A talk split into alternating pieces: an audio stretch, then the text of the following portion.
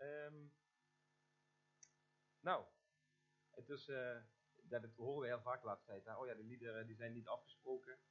Ehm, maar als je goed geluisterd heeft, even de dienst uh, eigenlijk al uh, gezongen.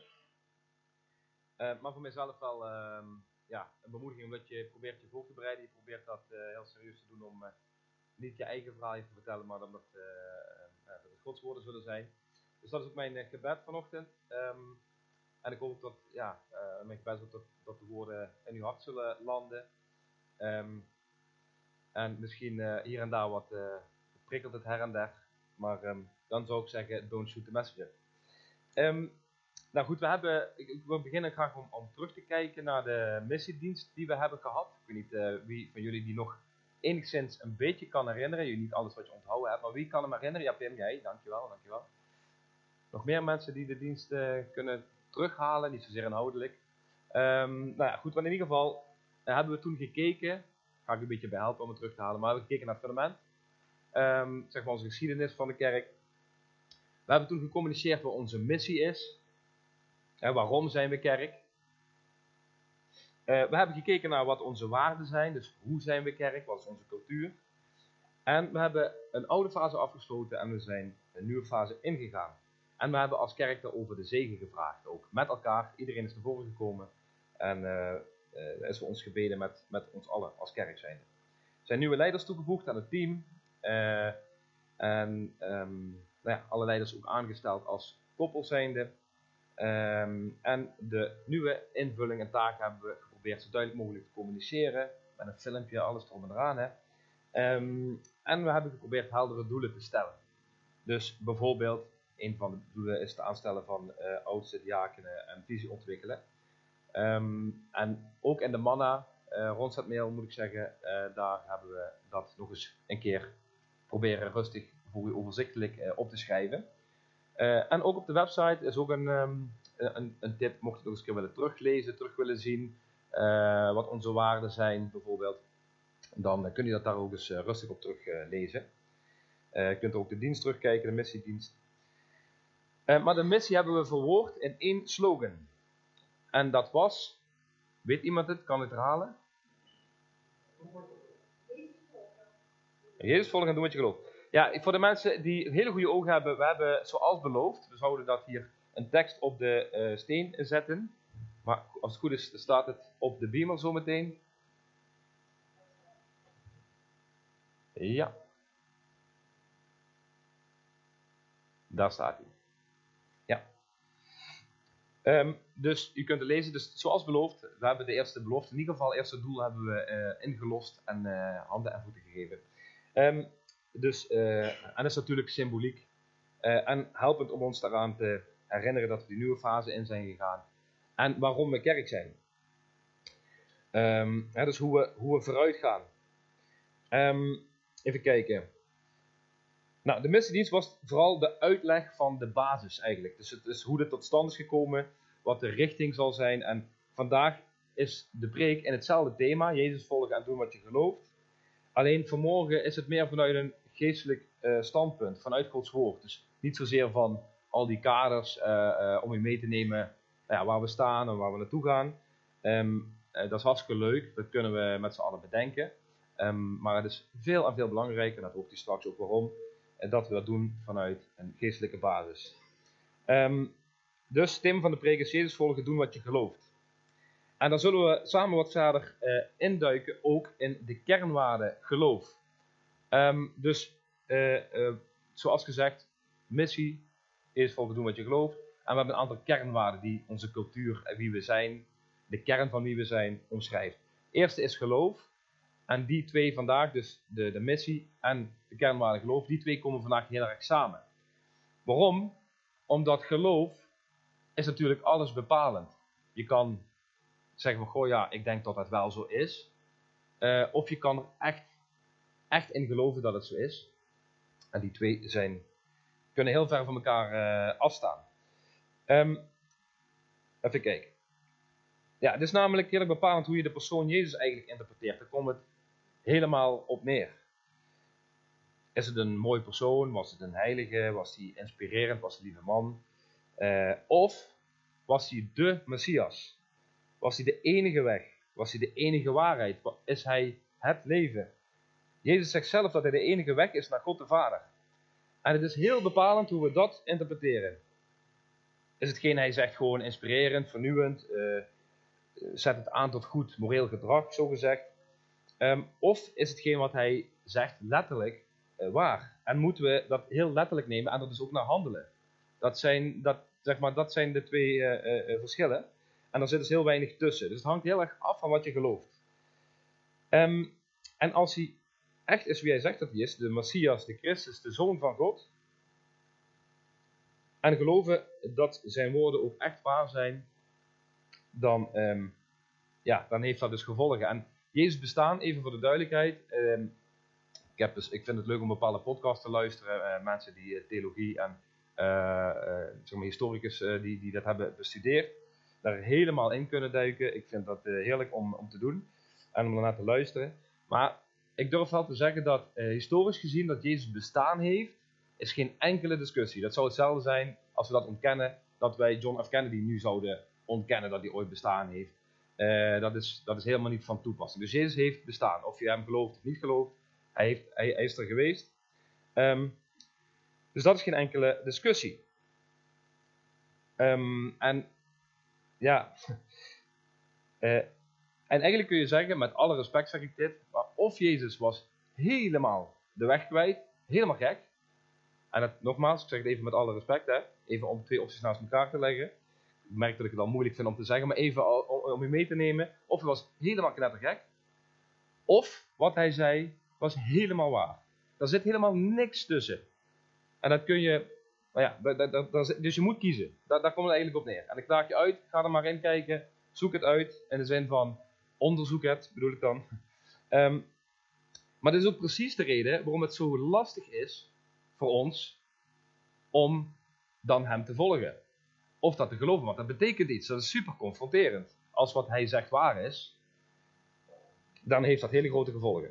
Dus we gaan samen kijken vanochtend naar Jezus volgen.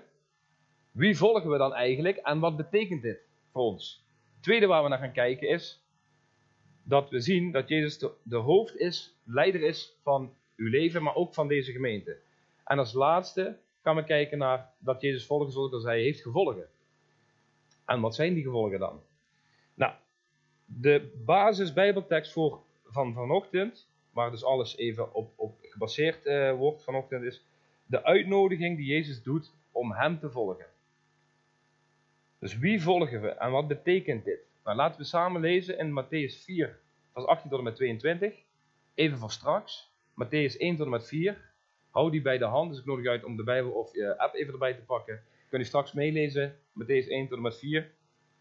Daarin kun je gelijk alles toetsen wat ik uh, ga zeggen, of dat bijbels gezien wel uh, enigszins een beetje strookt. Um, Oké, de tekst Matthäus 4 vers 18 tot en met 22. Op een keer liep Jezus langs het meer van Galilea. Daar zag hij, Jezus dus, twee broers, Simon, die ook Petrus wordt genoemd, en Andreas. Zij gooiden een visnet uit in zee, want ze waren vissers. Hij zei tegen hen, volg mij, dan maak ik jullie vissers van mensen. Ze lieten onmiddellijk hun visnetten liggen en gingen met hem mee. Verderop zag hij nog twee broers, Jacobus en Johannes, zonen van Zebedeus. Zij waren in een boot met hun vader de visnetten aan het herstellen. Jezus riep hen. Ze lieten onmiddellijk hun boot en hun vader achter en gingen met hem mee. Wat we hier lezen is de eerste en oorspronkelijke uitnodiging in de Bijbel om Jezus te volgen. Twee simpele woorden. Volg mij. En dat zet het leven van die vier eerste volgelingen, die vier eerste discipelen, helemaal op zijn kop. En van de acht discipelen die erna kwamen, zet het leven ook op zijn kop. En het zet daarna de levens op de kop van miljarden mensen. Het zet de levens op de kop van mijn eigen leven, van uw leven waarschijnlijk ook, en van ons als Commercie. Nou, dat is een heel belangrijk en vastgegeven feit voor ons allemaal, wereldwijd, maar zeker ook voor ons als kerk, dat Jezus is onze leider. Wij zijn zijn volgelingen, hij is onze leider. En het klinkt heel erg bekend, niks nieuws, super voor de hand liggend. Uh, dus dat horen we wel vaker. Maar ik wil graag laten zien hoe super essentieel en hoe belangrijk dat is, dat gegeven. Zeker als we ons bewust zijn van wie de mij, volg mij, wie hij is, wie Jezus is die, die we volgen. En we zien dat in de eerste vier hoofdstukken in Matthäus. En dat zijn eigenlijk de eerste vier hoofdstukken van het Nieuwe Testament. Dus dat is de eerste plek waar we kennis maken met wie Jezus is. Diegene die al heel lang beloofd is. En in deze eerste vier hoofdstukken zien we eigenlijk een prachtige weergave van wie Jezus is. Dus hou die vier hoofdstukken even bij de hand. Maar in deze vier hoofdstukken laat Matthäus Jezus als het ware als een diamant zien. Zij introduceert Jezus aan ons. En net als een diamant die ronddraait, zo zou je het een beetje kunnen zien, worden verschillende elementen zichtbaar. Uh, licht, verschillende kleuren, nou, schoonheid op verschillende manieren, je kent het wel. Uh, maar in ieder geval vanuit verschillende invalshoeken. En in die, uh, tot aan de hoofdstuk 4 tel je minimaal 20 verschillende invalshoeken die Matthäus geeft over wie Jezus is. Verschillende beelden, als het ware, of een plaatje van wie Jezus is. Niet natuurlijk echt een beeld, maar je snapt hopelijk wat ik bedoel. Um, ze zullen op de beamer staan. Je mag meeschrijven, maar ik waarschuw alvast, dan moet je wel snel kunnen meeschrijven. Um, en anders kun je het nog terugluisteren. Goed, als we een paar bladzijden teruggaan uh, van Matthäus 4 naar, terug naar hoofdstuk 1, vers 1, daar staat het volgende. Dit is de lijst van de voorouders van Jezus Christus. Hij is de zoon van koning David, die uit de familie van Abraham is. Dus Matthäus begint hier met de stamboom van Jezus Christus als de zoon van David, als de zoon van Abraham. En hier vinden we meteen al de eerste vier invalshoeken, alleen al in deze tekst. Beelden van wie Jezus is. Eén is, Jezus is onze redder. De naam Jezus heeft een betekenis, verlosser. Hij is het die ons zal redden van onze zonden, om precies te zijn. Dan twee, Jezus is de Christus. En Christus is natuurlijk niet zijn achternaam, hij is de Messias ook wel gezalfde. Uh, bij de Joden salving een teken van goddelijke uitverkiezing. Uh, hij is de beloofde verlosser, zo zou je het ook kunnen zeggen. Dus de Messias, uh, die lang geleden al door God beloofd was. Dus dat is beeld 2. Beeld 3, Jezus is de zoon van David. Hij, Jezus, komt uit de koninklijke lijn van David. Kunnen we teruglezen in 1 Samuel. Beeld 4 is, Jezus is de zoon van Abraham. Matthäus die verwijst helemaal terug naar Genesis. Uh, en Abraham is de vader van vele volken, hij is de stamvader van het volk Israël. Nou, alleen al in het eerste vers vinden we dus veel over wie Jezus is. En uh, Matthäus laat vanuit de stamboom zien dat um, alles wat er gebeurt in het Oude Testament verwijst naar Jezus Christus als de Messias. Zoon van David, zoon van Abraham. En dat brengt uh, mij naar het vijfde beeld. Jezus is het centrum van de geschiedenis. Hij is het centrale punt van onze geschiedenis. Alles vanuit de geschiedenis verwijst naar Jezus. Alles. Of de komst van Jezus. En vanaf zijn komst, alles wat er daarna gebeurt, verwijst weer terug naar Jezus. En het alles staat Jezus centraal. Ja, u staat niet centraal in de geschiedenis. Ik sta al zeker niet centraal in de geschiedenis. Wij als Nederland staan niet centraal in de geschiedenis. Deze generatie staat niet centraal in de geschiedenis. Miljarden mensen op deze wereld zijn er al gekomen en zijn ook weer gegaan.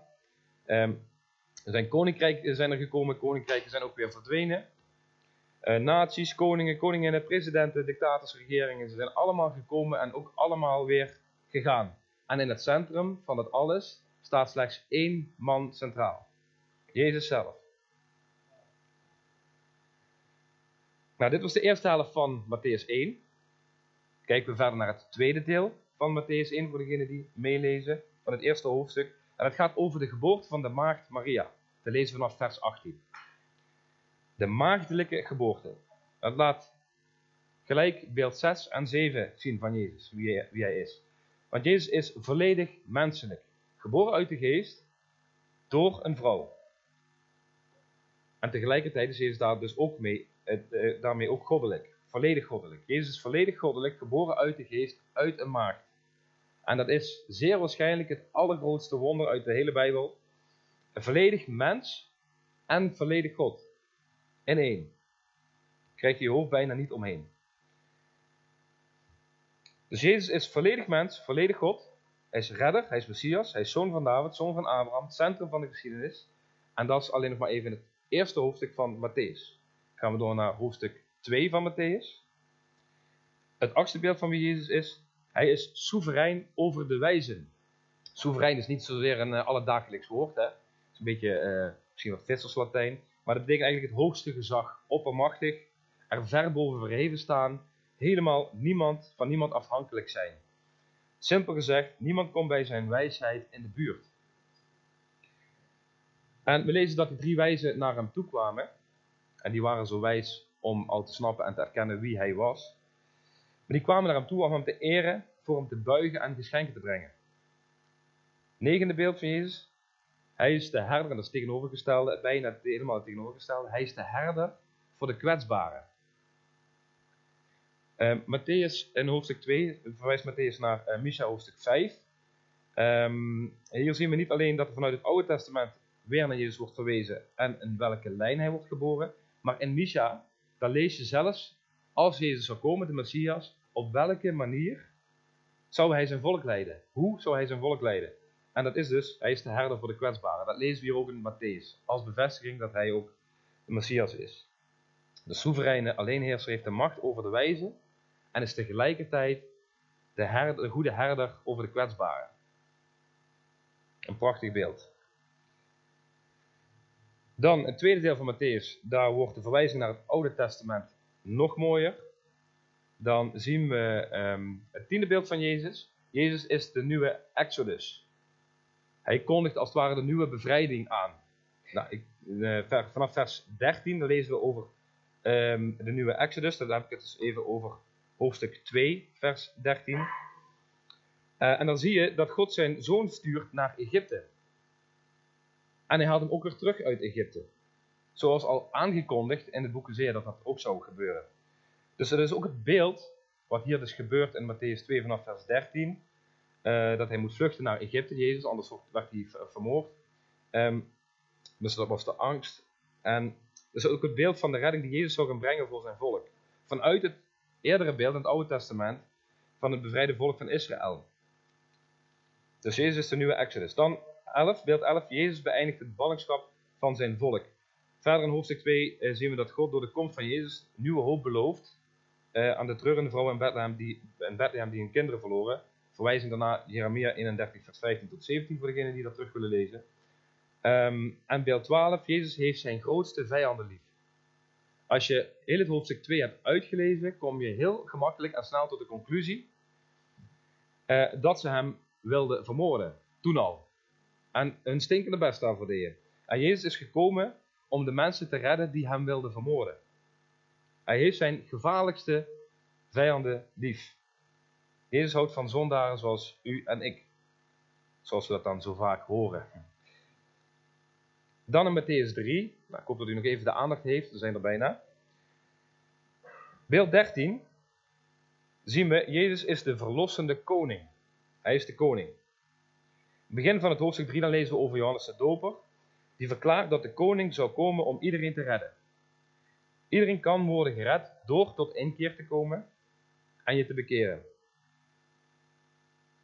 Maar Jezus is niet alleen de koning, hij is ook de rechtvaardige rechter.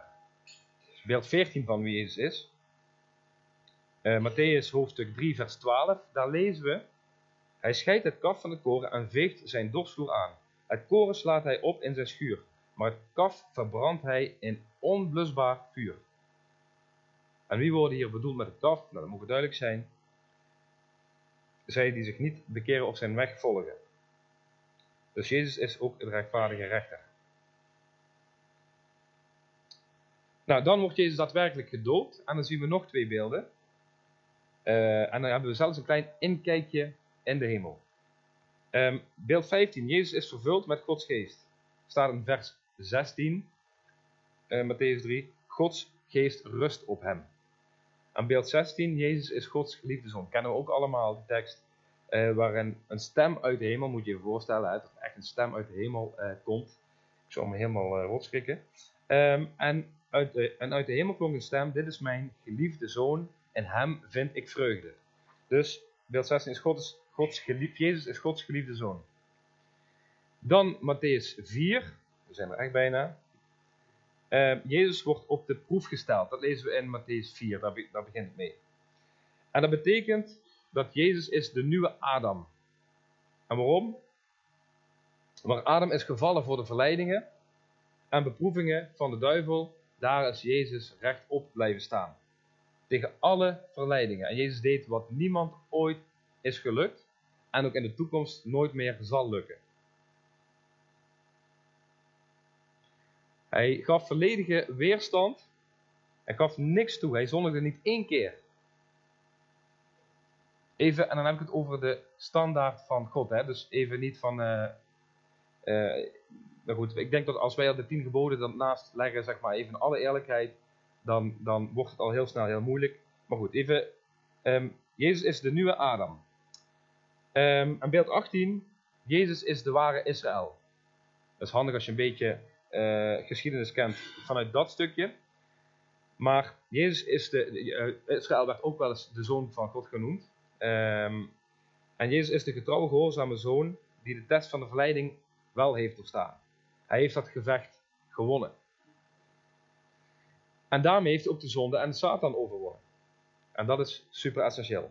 Dus ook alle parallellen vanuit de gebeurtenissen in het Oude Testament en het volk Israël zien we ook dat Jezus de geschiedenis van Israël hier stap voor stap herhaalt. En dat hij overwint waar zij hebben gefaald. Dus hij wordt het nieuwe Israël, de overwinnaar, de man die alle zonden overwint. Dan beeld 19, Jezus is het licht van de wereld. Verder in hoofdstuk 4 vanaf vers 16. Uh, ook weer een verwijzing naar Jezaja, maar daar staat: uh, Het volk dat in duisternis zat, heeft een groot licht gezien. En voor hen die zaten in een land en de schaduw van de dood, is een licht opgegaan. Jezus is het licht van de wereld. En het laatste beeld 20, Jezus is de hoop voor alle mensen, voor alle volken, voor alle naties. Zoals we hier ook lezen, um, aan het domein van, oh ja goed, aan het domein van andere volken, ook weer een, verwijzing naar Jezaja. Uh, maar Jezus is de hoop voor alle volken. Dus Matthäus die laat ons in uh, de eerste vier hoofdstukken eerst een volledig beeld zien van wie Jezus is, als hij hem introduceert. En hier lezen we dat Jezus zijn discipelen, vervolgens zijn we dus bij hoofdstuk 4 aangekomen. Jezus is geïntroduceerd voor wie hij werkelijk is. De Messias, de koning, alles wat we net gehoord hebben. En die Jezus die nodigt de discipelen met deze uitnodiging uit. Volg mij.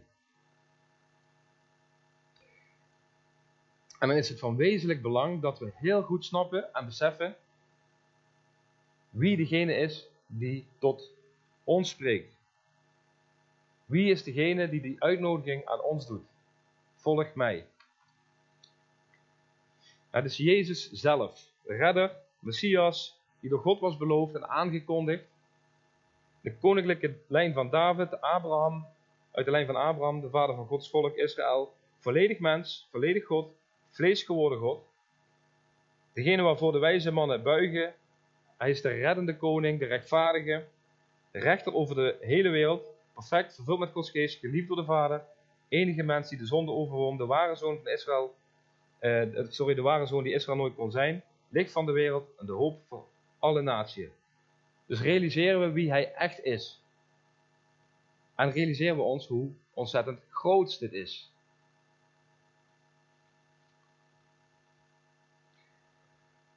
Deze Jezus is de leider, de koning van uw leven, van mijn leven. Deze Jezus is de leider, de koning van de kerk wereldwijd. Maar ook van deze kerk. Hij is de leider van Kom en Zie Schinnen. En dat kan betekenen dat ongeacht wat sommige mensen misschien denken willen of um, hebben gedacht, dat er geen wisseling is geweest van de leiding van deze kerk.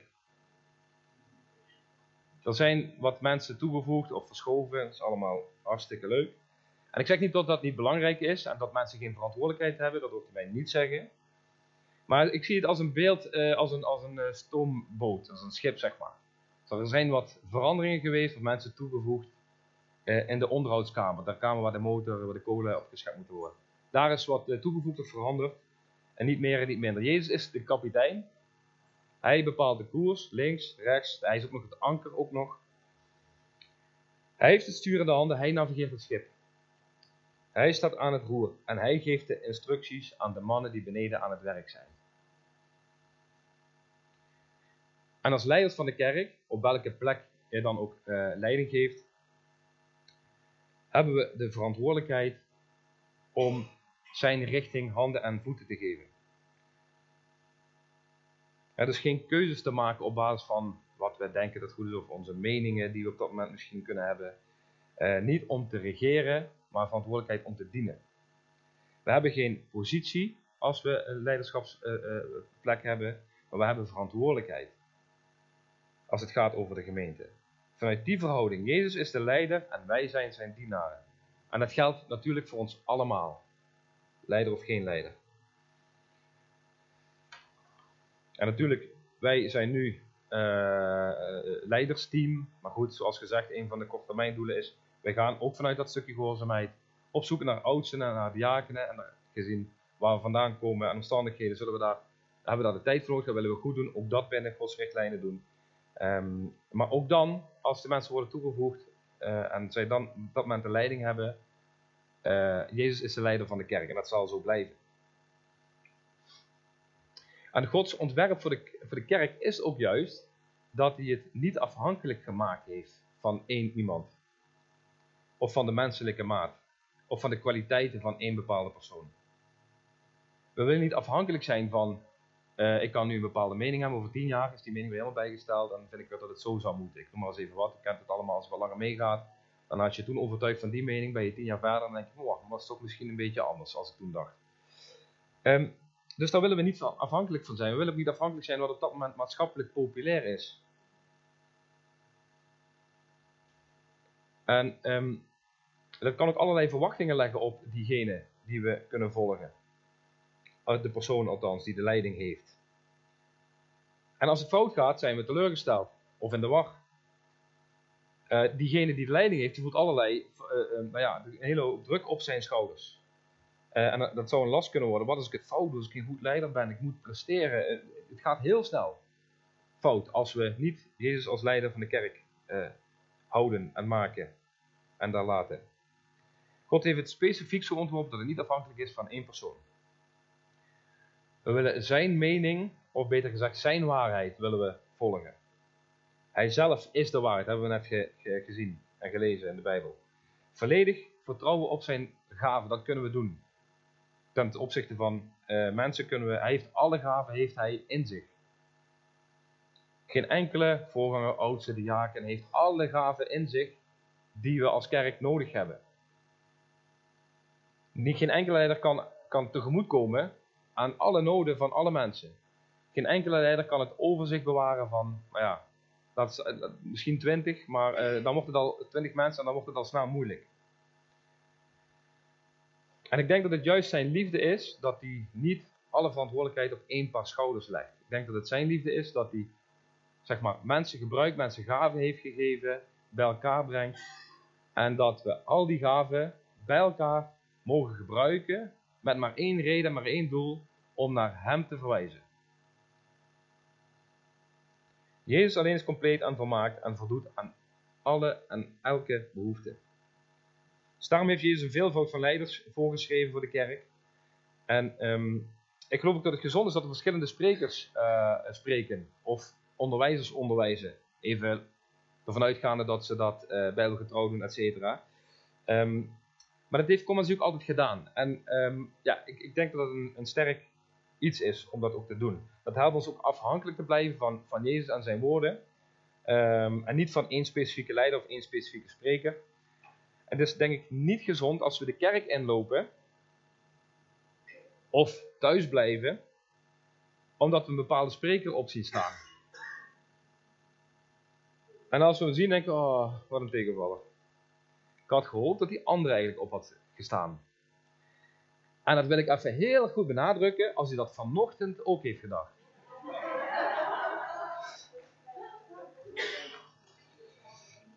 Wie, wie dacht dat? Nee, grapje, grapje. Maar even serieus. Het is ongezond om op zulke manier te verbinden met één persoon, met één leider. Als we in de kerk samenkomen, willen we niet horen van een specifieke persoon, spreker. We willen graag het woord van God horen. De woorden van Jezus ontvangen. En als we die ontvangen, dan denken we niet, ah, oh, wat een tegenvaller. En dat geldt niet alleen voor spreken op zondag, dat geldt ook op uh, dat geldt op als we discipelschap, als we iets aan discipelschap doen. Um, nou ja, op zoveel plekken kunnen we leiding geven. Dat geldt natuurlijk overal. Nogmaals, niemand heeft alle kwaliteiten in huis en kan in zijn eentje het volledige overzicht bewaren. We mogen samen uh, zijn gemeente dienen en um, ja, dat inzetten. Dus samengevat en vastgegeven, uh, een waard als een koe, hè, zoals we dat wel eens zeggen. En, en een realiteit die we nooit mogen vergeten. Dus onthoud je dat. Jezus is onze leider. Van u, van in, uw leven en van ons als Commonsie Kerk. Goed, dan het derde punt van wat ik zou aanhalen. Dat is Jezus volgen heeft gevolgen. En nogmaals, ik kan hier allerlei leuke dingen vertellen en u hoort allerlei dingen voorbij komen die u al zo vaak heeft gehoord. Dus je kunt het heel makkelijk langs u af laten glijden of over uw hoofd laten vliegen. Maar ik, ik nodig je van harte uit om het, ehm, ja, om het heel persoonlijk te maken voor jezelf. Jezus nodigt u uit, volg mij. Dat is niet voor toen, voor die tijd. Nu, vandaag, nodigt hij u uit, nodigt hij jou uit met de vraag, volg mij. En omdat Jezus dus onze leider is, op basis van de woorden in Matthäus 4, die hij tegen zijn eerste discipelen sprak, heeft het grote gevolgen. Het is een uitnodiging. En als je die aanneemt, dan heeft dat gevolgen in alles. Voor je leven. En dat betekent nogal wat. En die tekst, ehm, wat we gelezen hebben in Matthäus 4, en die uitnodiging, zien we principes terugkomen die we ook mogen gezien als een gebed. Die, die principes kunnen we dus ook zien voor een gebed. Voor onszelf, we zijn, neem het persoonlijk, maar ook voor ons als kerk. Het principe en gebed nummer 1. God, maak ons één en houd ons verbonden door uw genade en uw evangelie. Dus God, maak en houd ons één en verbonden door uw genade en uw evangelie. En als we om ons heen kijken in de kerken, dan laat het voor ons een vurig en blijvend gebed zijn dat God ons één maakt door zijn evangelie. Even weer terug naar de tekst. Gods genade en die uitnodiging van volg mij, daar wordt Gods genade heel erg duidelijk zichtbaar. We lezen dat Jezus naar de vissers toe gaat en ze aanspreekt en hen de vraag stelt om Jezus te volgen. Hij nodigt ze echt uit.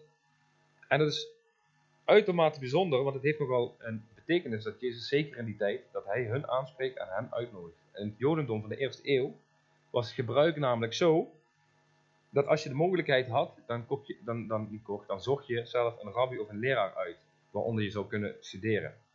En de schoonheid van wat we hier dus zien is dat Jezus niet of dat die mannen niet naar Jezus op zoek zijn gegaan, maar Jezus naar hen op zoek is gegaan. Ze hebben niet opgezocht, maar Jezus zocht hen. Dus het initiatief is van Jezus zelf, om de relatie, om de relatie aan te gaan. En we zien Jezus hier doen precies hetzelfde als wat God in het Oude Testament ook steeds deed. Precies hetzelfde. God heeft altijd het initiatief genomen om in relatie te komen met zijn volk in het Oude Testament. Het is God die Noah roept. Het is God die Abraham roept. Het is God die Mozes roept.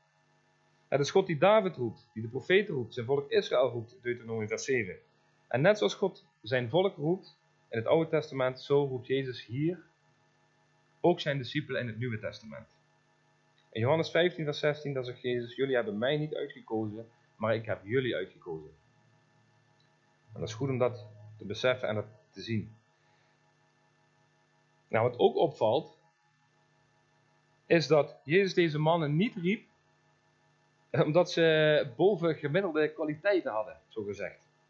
Ehm, of dat ze allemaal fantastische dingen hadden gepresteerd. Of dat ze opvielen daar vanwege hun karakters. Maar alleen maar door, um, door de genade van God. En ik weet wel, er zijn verschillende uh, theorieën. Um, dat is niet nieuw, zeg maar, deze, deze gedachtlijn, laat ik zo maar zeggen. Uh, er zijn ook theorieën waar mensen gaan, alleen maar gaan, gaan uitleggen, ja, maar Uh, Jezus die heeft heel specifiek vissers uh, gekozen, want die hebben bepaalde specifieke kwaliteit, die hebben een bepaalde manier van denken en een bepaalde manier van doen. Maar als we die kant op gaan, dan missen we de hele kern van de tekst. Want Jezus koos er niet uit vanwege wat zij konden. Deze vier mannen hadden namelijk niet zo heel veel op de tafel te leggen, in te brengen. Wat in hun voordeel was. Het waren eenvoudige mannen, van de arbeidsklasse zo gezegd, niet opgeleide mannen, niet echt uh, hoog gerespecteerd of iets dergelijks. Uh, gewoon doodgewone mannen. Nu, um, ja, misschien uh, stelletje nobodies, zou je dit kunnen zeggen, dan zet ik het wat scherp, maar zeker geen elite in een cultuur, niet zeg maar de mannen met, met geld. geestelijk gezien waren ze al helemaal niet geschikt voor deze taak. Ze waren onwetend en een denken nogal bekrompen, als we lezen. En ze waren zelfs bijgelovig. Petrus bijvoorbeeld, nou ja, het meest bekende voorbeeld van de discipelen, Haantje de voorste, altijd een grote mond, eerst bla bla bla en dan pas nadenken. Uh, om er maar eentje uit te lichten. Dus, uh, maar God, of Jezus, sorry moet ik zeggen, die koos die mannen uit om de wereld te veranderen. En nu hoor ik je denken, ja, je bent wel heel erg hard voor deze mannen. Dan ga ik het misschien nog wat harder maken, want de realiteit is, het gaat er niet over hun, het gaat hier vooral over onszelf, over jou, over mij. U en ik als christen in deze kerk. Wij hebben ook namelijk niet zo heel veel in te brengen op de tafel naar Jezus toe. Om Hem voor ons, naar ons toe te laten komen. Om ons te, laten, om ons te roepen. Wij zijn namelijk, en daar, dat is nou ja, een uitdaging als je dat uh, zegt, dat wil ik best uh, toelichten, um, om dat uit te leggen en Bijbels ook uit te leggen, maar wij waren zondaren tot de kern van wie we zijn. Tot op het bot, zo gezegd. Wij rebelleren tegen God. Oftewel, wij rennen van God weg. Ten opzichte van wie God is. En de prachtige waarheid en realiteit van het evangelie is dat God, ondanks dat alles, naar ons toe kwam.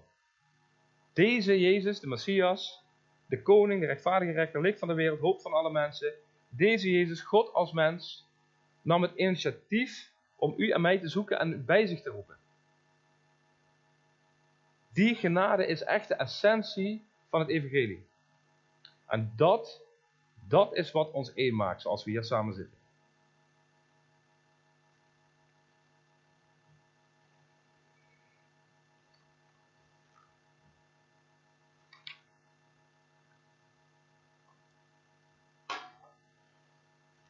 Dus mocht je ook niet, nou goed, volgens mij iedereen hier, ik weet niet of mensen nieuw zijn of online kijken, maar mocht je niet bekend zijn met het christendom of met de kerk, ben je voor de eerste keer.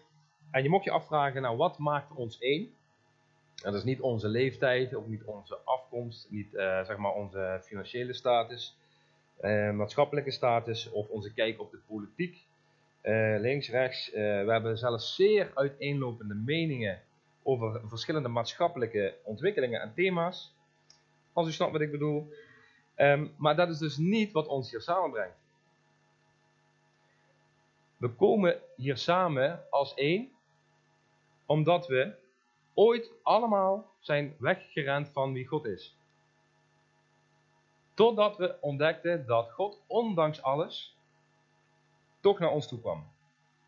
Dat God zijn zoon, Jezus, had gestuurd om op het kruis te sterven voor onze zonde en vervolgens weer op te staan uit de dood. En voor altijd de zonde en dood heeft overwonnen. Dat is het evangelie en dat is het goede nieuws uit de Bijbel. En op de dag dat we dat goede nieuws hebben begrepen, hebben we God gevraagd onze zonde te vergeven. En dat heeft hij ook nog gedaan. Al onze zonden vergeven. En niet vanwege wat wij hebben gedaan, maar alleen maar door zijn genade. Dus dat is wat ons één maakt in deze kerk. De genade van God en het evangelie. En mocht jij die genade nog niet ontvangen hebben, dan nodig ik je van harte uit om dat wel te doen. En de Bijbel leert ons dat God naar jou zoekt en naar jou verlangt, dat hij jou wil vergeven, jou wil redden van je zonde en daarmee voor de dood voor eeuwig. Daarvan wil hij jou redden. Hij heeft zijn zoon naar de aarde gestuurd om je te redden en te vergeven van je zonde. Om de weg vrij te maken naar God. En in tegenstelling tot andere religies, je hoeft geen stappenplan of je moet dit doen om dat te verdienen. eh, of als je maar goed genoeg leeft, dan misschien mag je het, kun je het halen. Ehm, maar dat is niet zo. God zoekt jou en God komt naar jou toe.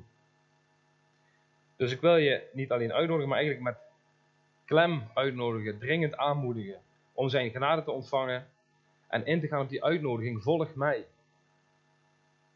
Om vandaag op die uitnodiging in te gaan, om vandaag een volgeling van Jezus te worden, om Hem te volgen. En voor ons als kerk laten we bewust zijn van wat ons één maakt. Hij maakt ons één.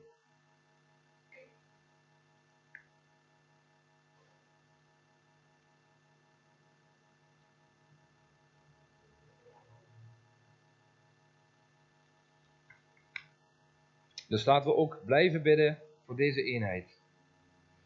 Als kerk ons heel bewust zijn dat, het altijd, dat we dit altijd centraal zullen stellen.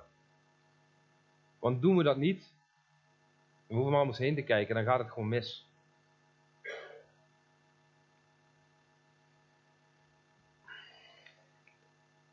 En dat is hetgene wat mij um, ja, op dit moment raakt, is dat eh, als we de afgelopen periode om ons heen kijken, en in de kerk om ons heen kijken, wat daar gebeurt,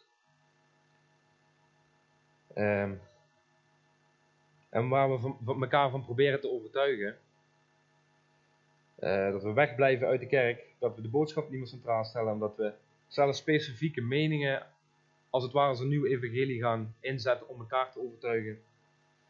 Onze kijk op situaties. En om dergelijke redenen weggaan of wegblijven uit de kerk. En dit is niet zozeer dat je weggaat uit de kerk, maar ik zie ook dat mensen helemaal van hun geloof afhaken.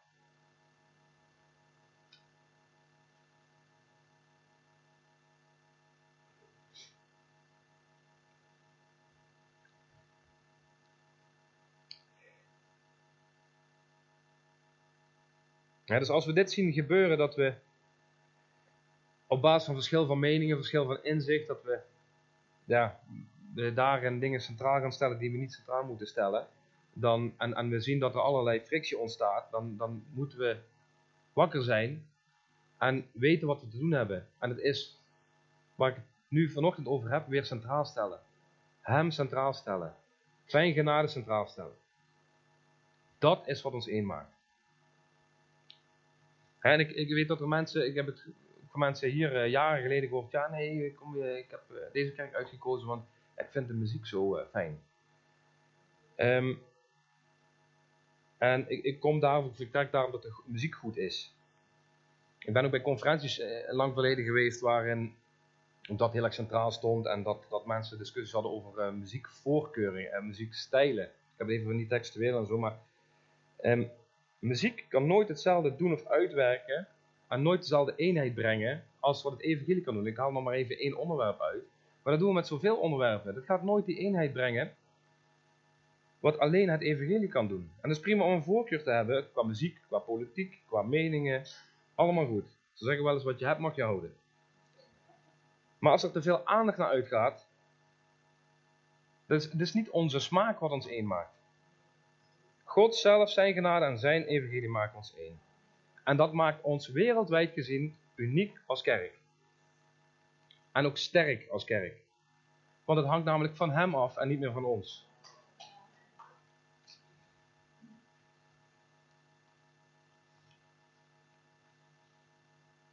En ik, ik, hoor mensen wel eens de vraag stellen, goh, en na de hele corona-periode dat we niet naar de kerk zijn gegaan, ik ben me eigenlijk gaan, gaan, afvragen, waarom ga ik eigenlijk nog naar de kerk? En die vraag is ook prima om te stellen. Sterker nog, het kan heel goed zijn om te stellen, om het voor jezelf weer op scherp te krijgen. Van hé, hey, maar ik ga daar niet naar een vriendenclub voor de gezelligheid. Ja, nee, daar, daar, daar, ga ik uh, ook niet naartoe. Ik het leuk dat het gezellig is uh, en heel fijn. Uh, begrijp me niet verkeerd. Maar ook als je die vraag stelt, dan is dit het antwoord. Dan is dit de reden waarom je naar de kerk gaat. Om hem te volgen, om van hem te leren.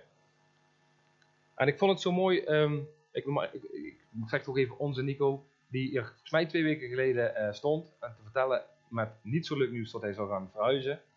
Um, en we gaan hem ontzettend missen. Maar uh, hij vat het heel mooi samen. Ontzettend mooi samen. Het was een preek op zich eigenlijk. Uh, hoe hij wat, wat de gemeente voor hem betekende, wat Gods gemeente voor hem betekent. Dan leren we van elkaar, dan worden we geslepen. Dat is waar ons denken steeds wordt vernieuwd. Dat horen we zo vaak, je denken vernieuwd. Maar het is gewoon heel simpel, je denken vernieuwen. Het is gewoon de Bijbel lezen. Je hebt elkaar nodig om weer even op de smalle weg ook zoiets. kunnen we heel geestelijk maken. Maar het is gewoon, ik heb anderen nodig om goede keuzes te maken. Daar heeft God mijn broers en zussen voor gegeven om mij daarbij te helpen. En af en toe ben ik gewoon een ontzettende domoor en een kluns. En dan word ik afgeleid en dan ben ik met allemaal dingen bezig waar ik niet mee bezig moet zijn. En dan heb ik uh, uh, Michel nodig, of dan heb ik Pim nodig die mij uh, belt. Of, of Jo die mij zegt van, goh Maarten, ja, dat vind ik eigenlijk niet zo, niet zo fijn. God heeft ons aan elkaar gegeven. Maar bovenal komen we naar de kerk om Hem te eren, Hem te volgen en van Hem te leren. Dus laten we Hem centraal stellen, Jezus centraal stellen. Laten we er ook waakzaam in zijn. Want het is niet, ook in je eigen leven, het is niet uh, zeg maar passief, dan moet je actief, moet je dingen buiten de deur houden. Ook in je eigen leven, wat ik net ook al zei. Maar ook in de kerk moeten we ook waakzaam zijn en ook niet alles zomaar binnenlaten. We moeten actief keuzes maken, dingen buiten de deur houden. En je ziet het vanaf de eerste gemeente al waar Paulus steeds weer terugging van hey, jullie zijn weer af en het wijken, draai hem de oren, hup, terug, waar gaat het om? Het gaat om wie Jezus is. Dus de kern van zijn genade en de kern van een evangelie centraal stellen. Ook dus, mocht jij, mocht jij diegene zijn die of thuis zit, of hier zit en nog vragen hebt van ik moeite met de kerk, moeite met komen naar de kerk, ik heb moeite met mijn geloof, misschien met mijn basis van mijn geloof. Wat geloof ik nog eigenlijk? Dan geldt deze uitnodiging zeker ook voor jou vanmorgen. En dan wil ik jou in het bijzonder van harte uitnodigen om opnieuw in te gaan op zijn genade. Opnieuw in te gaan op die uitnodiging. Volg mij. Want Jezus komt vanmorgen ook weer opnieuw met jou, vol met zijn onuitputtelijke genade en liefdevolle uitnodiging. Dus laat het een blijvend gebed zijn voor ons als kerk. Heer, maakt u ons één en verbindt ons met elkaar door uw genade en uw evangelie. Dan het principe 2 wat we zien, gebed 2, zo zou je kunnen zeggen. God wil iedereen gebruiken voor zijn missie, om zijn missie te bereiken. God wil iedereen gebruiken om zijn missie te bereiken. Luister maar naar de woorden in Matthäus 4. Volg mij en ik zal je vissers van mensen maken. Dit is de eerste en oorspronkelijke uitnodiging in de Bijbel die Jezus hier doet. En dus het was niet discipelschap les nummer 5 of 10. Of, nee, het was de allereerste begin, de allereerste uitnodiging die Jezus deed. En wat heel duidelijk is meteen vanaf de oorsprong en de eerste uitnodiging is dat het direct gekoppeld is. Volg mij en ik zal je vissers van mensen maken. En dat is echt de basis van discipel zijn. En de basis van die uitnodiging. Dus Jezus gebruikt natuurlijk een beeldspraak van vissen naar mensen, zodat de eerste volgelingen die vissers waren die beeldspraak zouden begrijpen. Um, maar hun bestemming was niet meer om daadwerkelijk vis te vangen, maar om mensen te bereiken over de hele wereld. Dat werd hun bestemming in hun verdere leven. En andere mensen bereiken, zodat zij ook volgelingen van Jezus zouden worden. Vanaf het allereerste begin, vanaf de allereerste uitnodiging van Jezus, ging het niet alleen om dat zij zelf Jezus zouden volgen, maar dat zij anderen zouden bereiken om Jezus ook te volgen. Dus dit was het allereerste wat Jezus tegen de eerste volgelingen zei. En wat valt er dan op als we het hele boek Matthäus lezen? Dus het allereerste wat Jezus tegen de discipelen zei, was deze uitnodiging. En het allerlaatste, vlak voordat hij de aarde verliet, wat was het allerlaatste wat hij tegen de discipelen zei? Ga dus op weg en maak alle volken tot mijn, tot mijn leerlingen, tot mijn discipelen. Het is gebaseerd op zijn eigen woorden, op Jezus zijn woorden, heel erg duidelijk. Jezus volgen betekent vissers voor mensen maken. Elke volgeling van Jezus is een visser van mensen. En even zonder de beeldspraak om het visserslatijn, in dit geval letterlijk, even niet te gebruiken, maar om een discipel van Jezus te zijn, betekent dat je discipelen van Jezus maakt. Elke discipel van Jezus is een discipelmaker. Het is niet juist en ook niet bijbels bij deze specifieke opdracht te wijzen naar een bediening. Of een karaktereigenschap die evangelisten hebben, bijvoorbeeld.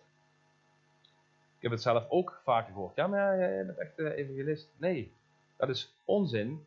En het verlengde van wat ik hier nu schets, heeft niks met de bediening evangelisatie te maken. Dat ontslaat ons. Ja, dat, dat, is, dat is voor hun. Dat is niet voor mij. Maar dit is niet bijbels, dit is niet waar. Wij zijn allemaal vissers van mensen. We zijn discipelmakers. En die bediening die is er zeker, de evangelist. Alleen, die doet op een bepaalde manier, brengt hij de boodschap over. Maar wat denkt u van de leraar?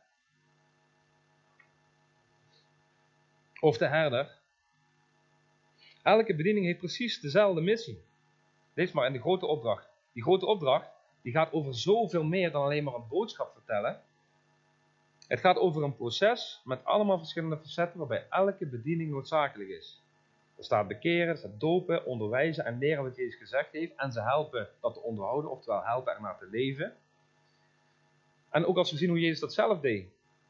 Hoe hij die mannen tot zijn leerlingen maakte.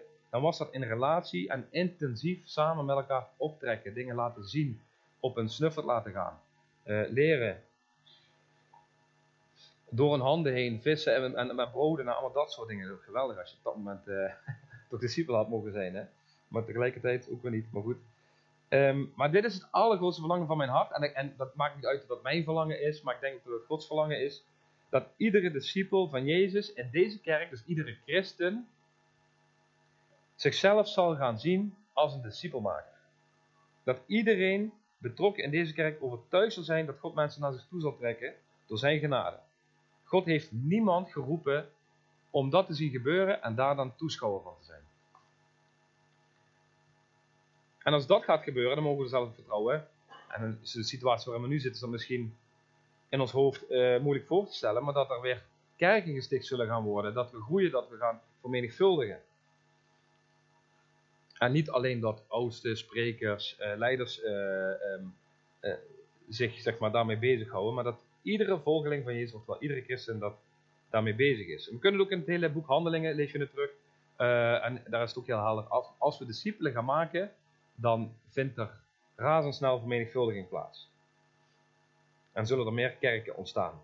En de potentie die is gigantisch. Moet je maar nagaan. Stel je voor, je hebt een kerk, even simpel rekensommetje, je hebt een kerk van 80 personen. En al die 80 mensen, die gaan niet heel hard werken om één zaal vol te krijgen. En die ene persoon, die gaat ze allemaal uh, discipelen. Maar iedere 80 mensen in die kerk gaat één iemand discipelen. Eén.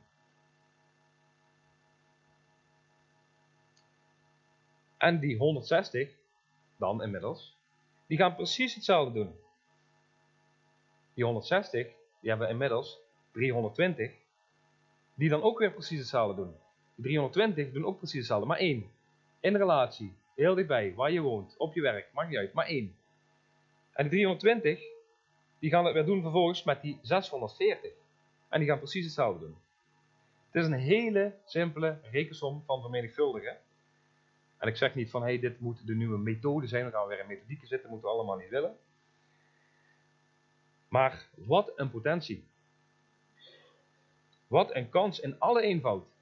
Niet in systemen, niet alles uit de kast halen qua financiën, qua tijd, middelen, energie om die zaal vol te krijgen. Maar één persoon. Een persoonlijke relatie.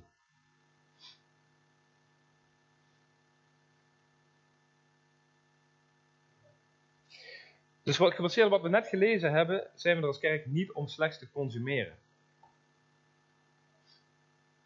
Het mooie is dat je ook niet financieel veel geld hoeft te hebben, je hoeft niet uh, hoog opgeleid te zijn, je hebt niet veel financiën nodig, geen formule met, uh, met allerlei moeilijke strategieën zoals ik al zei. Het is in alle eenvoud en alle relatie, gewoon in relatie en heel persoonlijk één op één. Daar hoef je ook geen mega-kerk voor te zijn. Daar hoef je niet het beste van het beste voor te hebben in persoonlijke relaties. En dat, dat heb ik vaker voorbij horen komen. Het beste van het beste is alleen goed genoeg. Want dan zullen de mensen wel komen. Maar dat is niet wat we nodig hebben. Wat we wel nodig hebben, zoals ik al zei, Jezus centraal zetten, zijn missie centraal zetten. En dat we echt vertrouwen en echt geloven, en daar zit het grote verschil, dat Hij het beste van het beste is. Zijn boodschap is het beste van het beste. Zijn genade is het beste van het beste. Zijn evangelie is het beste van het beste. En wat is daarvoor nodig? Dat iedereen een discipelmaker is. En ik snap dat dat confronterend is, want dat is vervelend, hè? want dan moeten we in één keer iets. Ik kan niet meer verwijzen naar, ja, maar dat is even geleerd, dus die met die bediening. Of, dat vraagt wat van ons. Dat is confronterend. Dan moet ik misschien wel iets. Um, ja, en als ik mijn geloof alleen al deel, nou, dan wordt het vaak niet heel erg ongewaardeerd. is niet zoals in China, maar hier ook al. Maar dan heb ik helaas nog eh, beter nieuws voor u. Want dat is alleen al kijken wat de uitnodiging om Jezus, volgen echt, Jezus te volgen echt betekent. En zeggen, oh ja, ik moet discipelen maken, dat vind ik al confronterend. Dan, laatste uh, uh, principe wat we zien, is wat het betekent om Jezus echt te volgen. Wat vraagt dat van u? Hoe confronterend is dat? En dat brengt me tot het laatste principe, het laatste gebed. Jezus wil jouw volledige overgave. Hij wil jou helemaal. Wie je bent als mens en alles wat je bent en alles wat je hebt. Hij vraagt jou, heel scherp gezegd, hij vraagt jou alles achter te laten. Onszelf achter te laten. Alles wat we hebben achter te laten. En in Matthäus 4, daar kun je er nog snel overheen lezen. Uh, andere bijbelgedeeltes is dat wat lastiger. Maar als we alleen al bij de tekst Matthäus 4 blijven, dan zegt Jezus, volg mij tegen deze vier mannen.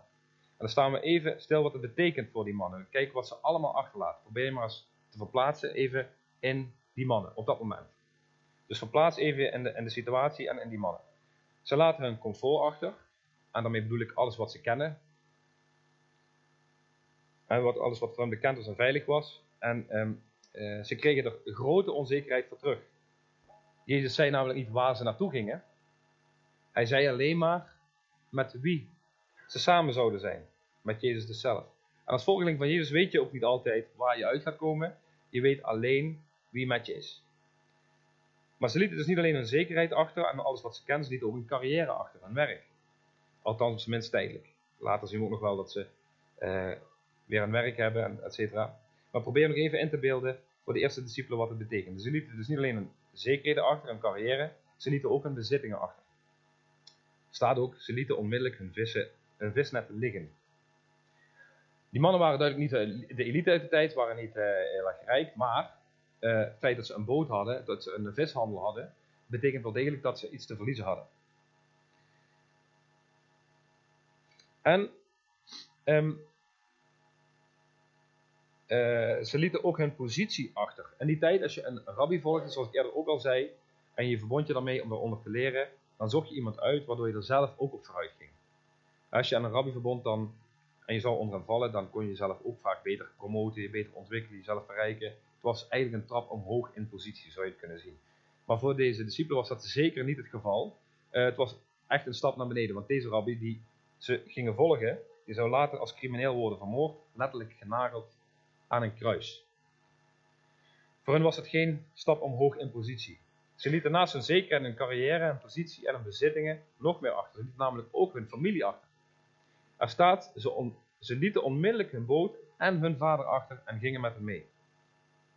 Ze lieten naast dat alles ook nog hun veiligheid achter. Want Jezus zou hen niet veel later nog vertellen, ik stuur jullie als schapen tussen de wolven. Ze zullen jullie haten vanwege mij. Je zal vervolgd worden vanwege mij. Ze lieten hun veiligheid ook nog achter. Daarvoor lees ik nog een stukje in uh, Matthäus 4 vers 17, dat ze ook hun zonde achterlieten. Jezus die voor de eerste keer sprak, komt tot één keer, zei hij, want het koninkrijk van de hemelen is nabij. Ze lieten achter, ze lieten zichzelf achter. Ze moesten zichzelf verloochenen, zichzelf overgeven. En dat is de boodschap wat hierin ook en voor ons ook centraal staat.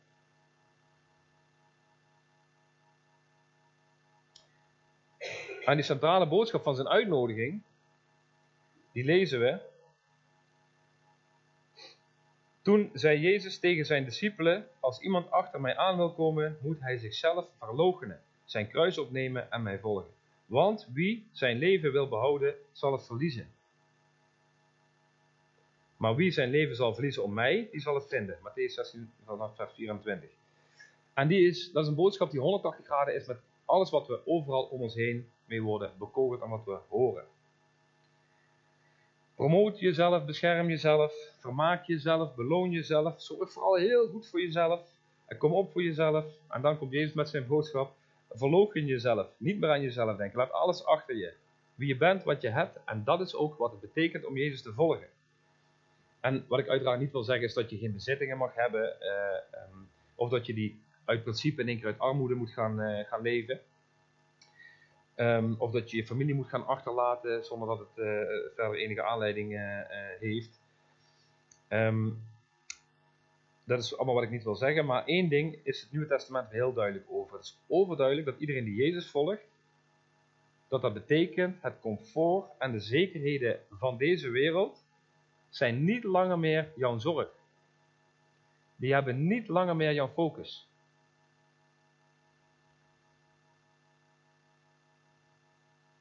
En onze keuzes zijn afhankelijk van waar God het voor roept. Onze carrières, hoe kunnen we die inzetten om God zichtbaar te maken? Onze bezittingen zijn niet langer van onszelf. We leven niet meer langer van materialische zaken. Prima als je ze hebt, als je gezegend wordt, geniet ervan. Maar je jaagt het niet meer na. Dat is niet waar je hart ligt.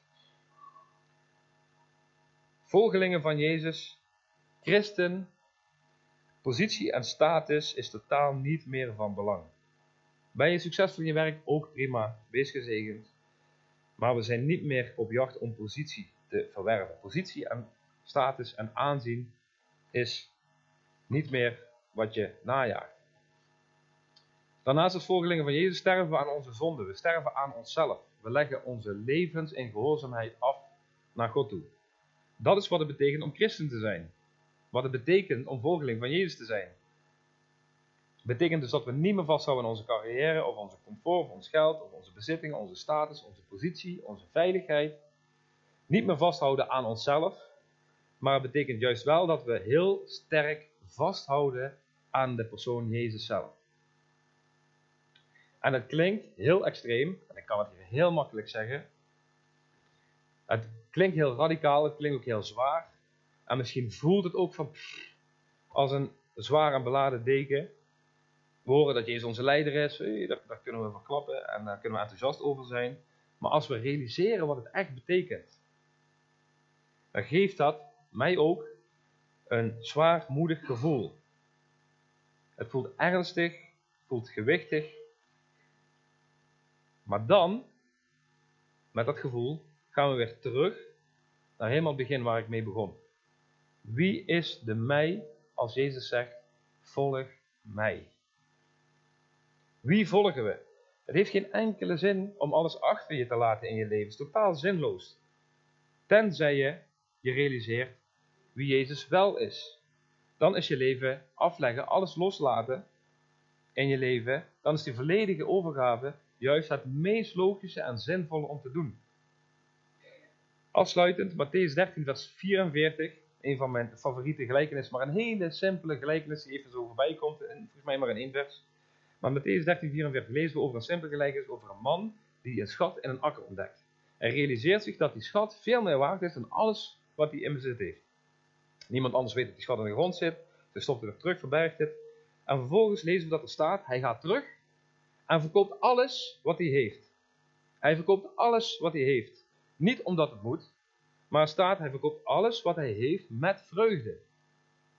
En je kunt je voorstellen dat mensen waarmee zeggen, wat doe jij nou? Dat is super stom en onverstandig. Dat is geen goede investering. Alles verkopen wat je hebt, je bent helemaal gek. Je gaat toch niet alles verkopen en ruil voor een stuk akker, voor een stuk grond. Maar hij verkoopt alles wat hij heeft met vreugde en koopt de akker met volle overtuiging. En waarom? Omdat hij weet dat hij iets heeft gevonden wat het waard is alles voor te verliezen. En om alles voor op te geven. Die schat in die akker die veel meer waard is. En in Jezus hebben we iemand gevonden die het waard is alles voor te verliezen. Op het moment dat je beseft wie hij is, is het juist logisch om jezelf aan hem te geven. Niet meer te leven voor wat je hebt of voor wie je bent. Dan willen we ons leven gebruiken voor zijn glorie. Dus kom en zie kerk. Laten we samen Jezus volgen en doen wat we geloven. Jezus is onze leider. Hij is de leider van uw leven. Hij is de leider van Kom en zie kerk. En ik bid dat u, Heer God, ons zal helpen om samen één te zijn en één te blijven. Door uw genade en uw evangelie. Ik bid dat we allemaal mogen beseffen dat we allemaal discipelmakers zijn. En dat u ons hierin zult helpen voor uw glorie. En ik bid dat we net als wat we in het begin van de dienst in het filmpje zagen over de kerk in China, dat we zo mogen worden als individu, als mens en als kerk. Een volledige overgave en voor u leven. Want u bent het waard. Onze koning, verlosser, redder, en bevrijder. Amen.